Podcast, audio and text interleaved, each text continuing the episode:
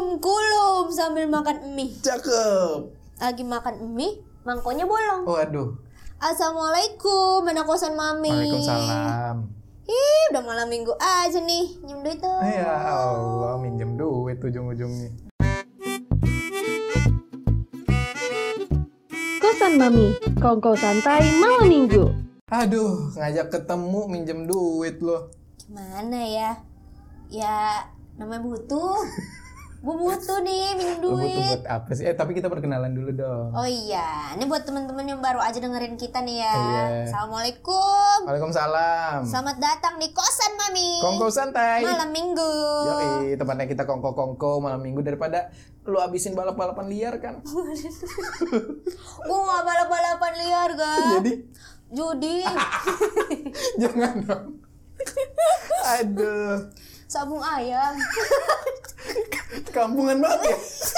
Lu maksud- Semua kriminal-kriminal kampung gua ngerti, Bang. Aduh, tapi lo gue lihat emang agak kurang ya kalau kalau akhir-akhir ini di Iya. sosmed kurang pamer nih. Kurang pamer. Kenapa lu? Iya kan biasanya kan lu lihat gua pasti udah duduk-duduk minum es kopi Iya. gitu, jam segini ya kan. Foto-foto estetik. Heeh, nih. Duh, Kenapa? kayaknya gue mau pinjem aja nih sama pendengar kali-kali misalnya pendengar eh, support Mili Oh iya. untuk bisa beli es kopi Wah, masuk kita bisa.com. iya kan Dad? boleh nggak sih kayak gitu gue Enggak dihujat lu nanti jangan ya. jangan iya iya iya. Emang lu minjem duit buat apa sih?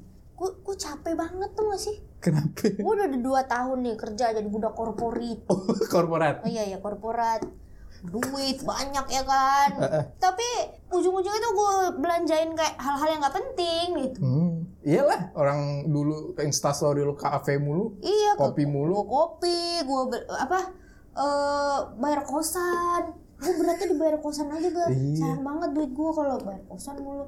Tuk- Terus kalau misalnya tuh duit kosan gue kumpul-kumpulin kan, Hah. kayaknya gue udah bisa beli rumah deh. Kak. Ih, Tapi gue bingung. kenapa?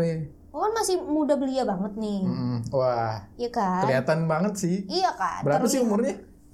Eh, 18. Baru lulus SMA. udah mau beli rumah nggak nggak nggak, nggak tapi Oh. gue kan mikir juga lah nggak mungkin selamanya ntar gue bakal eh, Ih, tinggal Masa di lu bawa anak lu ngekos ya kan? Iya kan, nggak mungkin selama lamanya gue di kosan. Bergaul sama mulu. gue. Iya Allah, kan gue pengen gitu punya rumah, tapi Mm. umur umur gue begini kan kayaknya Hmm, bener. susah gitu di umur 20-an punya rumah. Kenapa susahnya kan Kayak- tinggal nyicil? Iya tapi kan berat gar, harga rumah sekarang tuh berat. Terus gue juga mikir nih, gue mendingan beli rumah apa beli mobil, Hmm. apa beli kendaraan gue, karena kan selama ini lu tahu gue ini nebeng sana Iya. sini ya kan, siapa yang ikut atau gue jalan kaki atau naik angkot Hmm, gitu. Susah lah hidup ya. Iya, Iya bener-bener. anak, anak kosan nggak ada kendaraan sendiri. Hmm, Naik transportasi umum mulu ya. Eh, jadi kan kalau misalnya gue punya rumah, gue udah bisa ya cicil-cicil menata hidup Iya, lah iya. gitu. Kadang kan kita juga pengen punya masa depan ya. Ben. Bener, tapi Aku paham, paham, paham, paham. tapi gue bingung umur 20 ah Gue tahu nih, pasti lu keberatan di DP kan? iyalah Iya namanya sih. makanya gue pinjem duit sama lu Ya Allah, Mi, lu kemana aja sih? Lu kan Di gue udah kosan. pernah bilang. Iya sih. kan gue udah pernah bilang kalau lu ada susah, lu call nomor gue. Ah. Pasti nggak akan aktif. udah tau gue gue telepon teleponin nomor yang anda tuju Eh, sedang Males. males lagi tidur pasti Karena, itu karena gue tau lu mau minjem duit. iya kan pasti itu NSP lu sendiri kan sebenarnya Aduh, Untuk boleh sih menghindari ntar gue. ya. Tapi Mil, kebetulan nih lu baru bilang soal beli pengen beli rumah sama Mobil. Iya sih. Emang kita sebagai milenial susah sih kelihatannya zaman sekarang bisa nggak ya kita milenial punya rumah? Iya. Karena gaji kalau kita lihat pendapatan milenial juga nggak tinggi-tinggi banget. Apalagi kita berdua mah sobat sobat-sobat UMR sobat UMR ya kan. iya UMR Gimana bisa? tuh yang Belum lagi bayar kosan, belum lagi makan, Heeh, belum makan kopi. kopi estetik gua Iya. ya kan terus Gitu, baju-baju keren gua untuk memuaskan pandangan-pandangan sosialita ya kan Itu makanya susah emang mau punya uh, properti dan otomotif tuh Mil. Tapi baru-baru ini nih kebetulan. Ini sekarang bulan apa? ya? Sekarang bulan Mei. Mei di Februari 2021 kemarin nih. Iya, ada apa emang di bulan Februari? BI itu baru aja ngeluarin kebijakan LTV 100% di mana lu bisa ngambil rumah atau kendaraan dengan DP 0% doang. Masih gua nggak nggak nggak usah bayar. Bukan kamu sama Oh bukan. Jadi jadi. kagak bayar DP tapi lu tetap nyicil lah Oh kurang aja. gitu. Kirain gue tiba-tiba dapat gratis. Kan gue seneng. Kayak Ini memang program tidak- apa nih kok gue nggak Mohon maaf, tahu gitu. BI ini tidak tidak layak dibantu kayaknya. Nggak tahu diri. Nah, gitu maksudnya Dia ini tujuannya apa? Kenapa tiba-tiba Nah. BI eh, apa? emang eh, problemnya kita anak muda milenial ini kalau mau ngambil rumah itu emang di DP. DP-nya kadang gede banget ya. Terlalu Kadang kita- gede ya. Gue kan jadinya kan gue mikir dulu nih kan mau Iya. ngambil rumah. Gue kumpul-kumpulin duit dulu untuk bayarin DP. Belum gue kumpul udah gue beli es kopi. Tuh kan? iya. Gimana nggak mau punya rumah? Nah, tapi Ah, gimana mau punya kebetulan nih sekarang udah ada kebijakan ini, jadi lu tinggal eh, bayar kredit aja, nggak perlu pakai DP. Langsung dikasih kunci gue ya. Iya lah, kunci gudangnya. Ayo Allah, tidur di gudang. Enggak lah, duit langsung langsung bisa. Kalau misalnya lu memenuhi syarat ya. Oh Gitu. gitu. Nih kenapa nih memang tiba-tiba ada kebijakan semacam ini nih? Nah, jadi kebetulan gue juga baru baca ya. Iya, Alhamdulillah gue anaknya ranking satu mulu ya. Jadi gue ya lu. paham banget sama tau isu-isu kayak lah. gini. Gua kan ngerti banget lu dari dulu suka anaknya membaca. Apa? Apa Oh, ya? baca isi pikiran orang ya. nih. Ngampe bahan-bahan dari sampo lu baca juga ya kan. Kalau lagi BAB ya. Iya. Kalau lagi bosen. Semuanya lu baca-bacain tahu gua. Jadi jadi ini BI emang bisa ngeluarin kebijakan ini Mil. namanya kebijakan mikroprudensial. Yuk, Kebijakan apa tuh? Hmm. Jadi kebijakan mikroprudensial ini kebijakan yang harus dipatuhi sama elemen-elemen sistem keuangan kayak perbankan Hmm. dan elemen lainnya. Mm-mm. Tujuannya itu untuk menjaga aktivitas sistem keuangan itu biar berjalan dengan baik Oh, gitu. Karena kalau kita eh, bilang nih BI itu kan punya tiga peran utama tuh. Iya iya iya. Salah satunya adalah menjaga kelancaran sistem keuangan. Sistem keuangan, bukan Iya. sistem barang. Oh iya iya. Oke, terus Kelancaran sistem keuangan dan sistem keuangan ini salah satu produknya biar sistem keuangan ini berjalan dengan baik adalah adalah si mikro, eh, makroprudensial. Oh gitu. Mm-mm. Nah, jadi si sistem keuangan ini kan ada elemen-elemennya ya, Mil. Kayak lembaga keuangan, terus perbankan juga, terus OJK juga dan ada kita juga nih sebagai kita elemen rumah tangga namanya. Wah, kita masuk dalam sistem ini. Iya, bukan berarti kita berumah tangga ya. Jadi maksudnya gimana sih Jadi- sistem keuangan rumah tangga? Elemen rumah tangga. Oh elemen. Jadi elemen rumah tangga ini terdiri dari kayak eh, karyawan swasta, mahasiswa, Hmm. masyarakat lah yang tidak Masyarakat punya pada power ini. Iya. gitu. Elemen-elemen kecil lah ya. Mm-mm. Iya iya iya, iya, iya. Mm-hmm. Jadi kita kan masuk ke kelompok sistem keuangan rumah tangga nih. Mm-mm. Nah, kita itu berinteraksi juga sama si elemen lainnya. Kita berinteraksi juga sama perbankan. Kita berinteraksi juga sama kayak pasar keuangan kalau misalnya lo kripto-kripto Oh gitu. something iya. Saham-saham Mm-mm. gitu-gitu.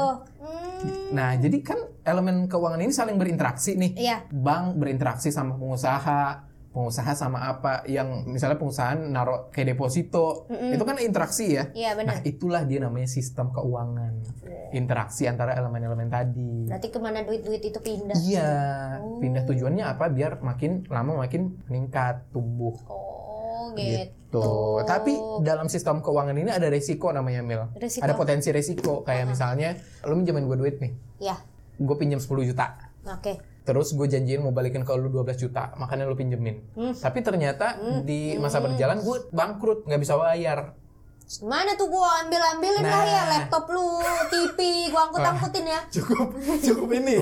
Barbar ya. Iya gua lintah darat gua. Kayak gitu. dibilang film. Yang emasnya banyak gitu kan Jangan. berentengan.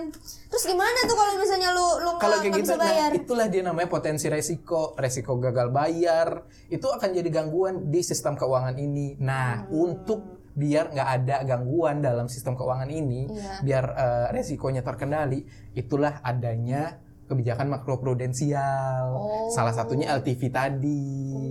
gitu. Gitu. Iya. Pinter nggak gue? Pinter pinter. pinter. Tapi kenapa baru sekarang nih eh, kebijakan ini baru ada kenapa Hmm. nggak dari dulu dulu duluan Kenapa nggak dari dulu? Karena memang kita kan baru bangkit dari pandemi ya, Iya. baru menata segala macam aspek ekonomi. Iya bener kita udah jadi zombie ya. Bangkit. Wah.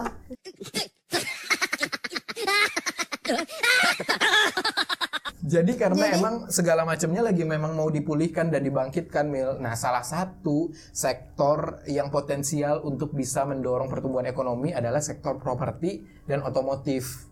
Itu tadi ya pas banget sama yang Iya. lu mau ya beli rumah atau beli Mm-mm. mobil. Kenapa ini sektornya potensial? Karena? ada beberapa alasan kayak eh, sektor properti dan otomotif ini punya kontribusinya tinggi banget untuk pertumbuhan ekonomi. Terus eh, dia punya tenaga kerja juga yang terlibat banyak. Oke, bener bener. Terus eh, pangsa ekspor kalau otomotif tuh tinggi juga kan Mil. bener. Heeh. Selain itu sektor otomotif dan- sama properti ini sekarang lagi berangsur pulih nih. Belum pulih sih, cuman emang lagi berangsur pulih dan momen yang pas banget untuk dinaikkan. Oh, gitu. Berarti prospeknya sekarang abis pandemi nih. Iya. Properti sama apa tadi otomotif Mm-mm. lagi ini ya Lagi gencar-gencarnya ya. digencarkan karena biar orang-orang terpancing untuk yuk kita eh, eh, beli properti, bangkitkan ekonomi di properti dan otomotif. Makanya lah Oh, tuh kan pas banget emang gua Iya. mau beli rumah. Kepancing nih. kan? Iya, gua Iya. pengen beli rumah jadinya. Hmm, makanya. Tapi lu bisa paham-pahaman soal-soal begini nih dari mana sih? Gua kan tadi cuma tujuannya cuma mau minjem duit. malah dikasih edukasi ya. Malah dikasih ilmu begini kan gua jadi wah, bagus nih jadinya. Iya, iya, iya, iya. Mana tuh ternyata gua nggak perlu pinjam duit sama lu. Ya Iya kan, kan? kalau misalnya duit gua cukup, Hmm, alhamdulillah gue iya. bisa membayar dengan edukasi. Tau dari Jadi, mana sih lu? Kenapa gue paham sama yang kayak kayak gini nih? Karena menurut gue Mil, kita tuh emang harus banget paham sama uh, isu-isu tentang stabilitas sistem ekonomi. Oh, Karena- kenapa emang? Asal lo apa tahu. urus- apa urusannya nih sama, sama dapur kita apa urusannya nggak Nah, lo pasti ngiranya apa emang andilnya kita sebagai masyarakat biasa terhadap pertumbuhan ekonomi? iya apalagi ekonomi dunia Nah, kan nggak ada urusannya Aduh Mil ya itu Allah, tuh paling cuman sepersekian eh, mililiter. mil iya persen dari se- seluruh umat manusia Iya, ini Emang kalau kita pikir kan memang begitu ya. Tapi Iya. ternyata kita tuh andilnya gede banget. Lo tau gak sih? Hmm, apa tuh Kalau misalnya nih, gue kasih pemisalan ya. Oke. Pemisalan. perandaian gitu gue kasih perumpamaan ya. Uh-uh. Misalnya gue minjam duit lagi nih. Gua minjem mulu lu yang mau minjem Kan contoh. gua ceritanya ya ya ya Contoh ini bisa nggak dibikin mudah aja. Jadi nih misalnya gue pinjam duit sama lo 10 Oke. juta lagi. Oke. Gue bilang gua mau mau balikin 12 juta. berarti udah 20 juta tadi ya Yang tadi kan nggak jadi. oh iya iya iya iya. kan, kan gue ada resiko. iya iya Lo nggak boleh pinjamin jadi. Nah jadi gue pinjam nih, gue mau balikin 12 juta dan gue bilang, oh gue mau bikin usaha. Ternyata usaha gue bangkrut. Mm-mm. Nah otomatis gue nggak bisa bayar dong ya. iya Ke lu efeknya apa? ya?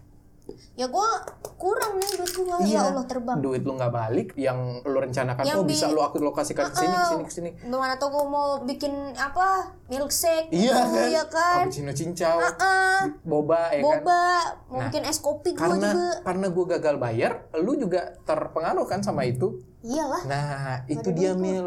Lu bayangin kalau lu melakukan itu ke perbankan, Mm-mm. terus yang nunggak itu sekian juta orang, lu bayangin gimana eh, si perbankannya. Pengaruh banget kan?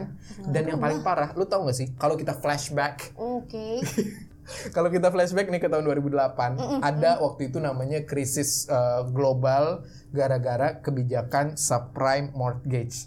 Ini nih Kenapa nih gara-gara kebijakan ini? Hmm? yang efeknya ke satu dunia, Mil.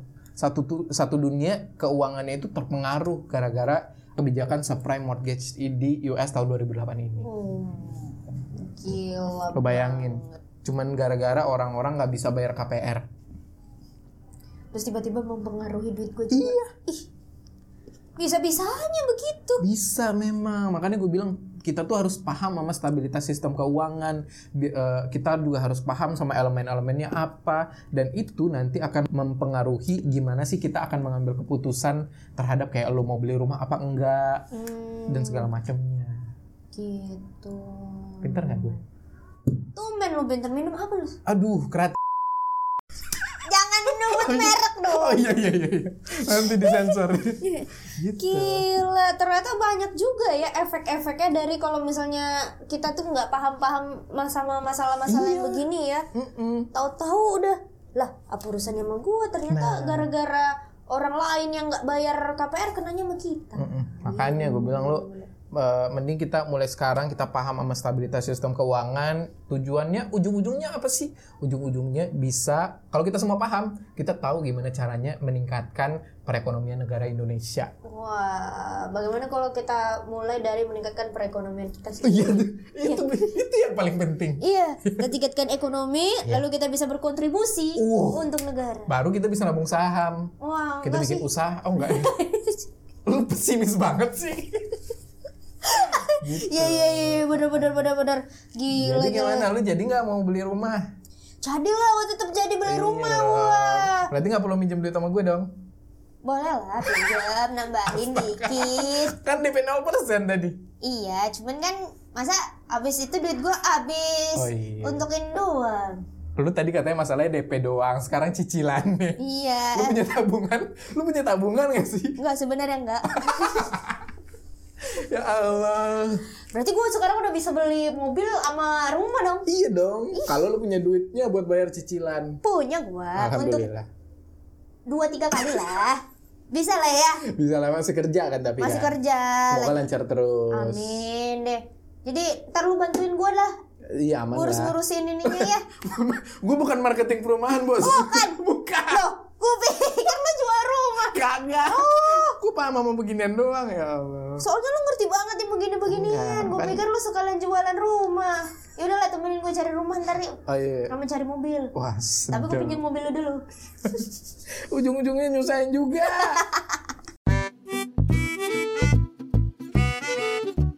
Kosan Mami, Kongko Santai Malam Minggu.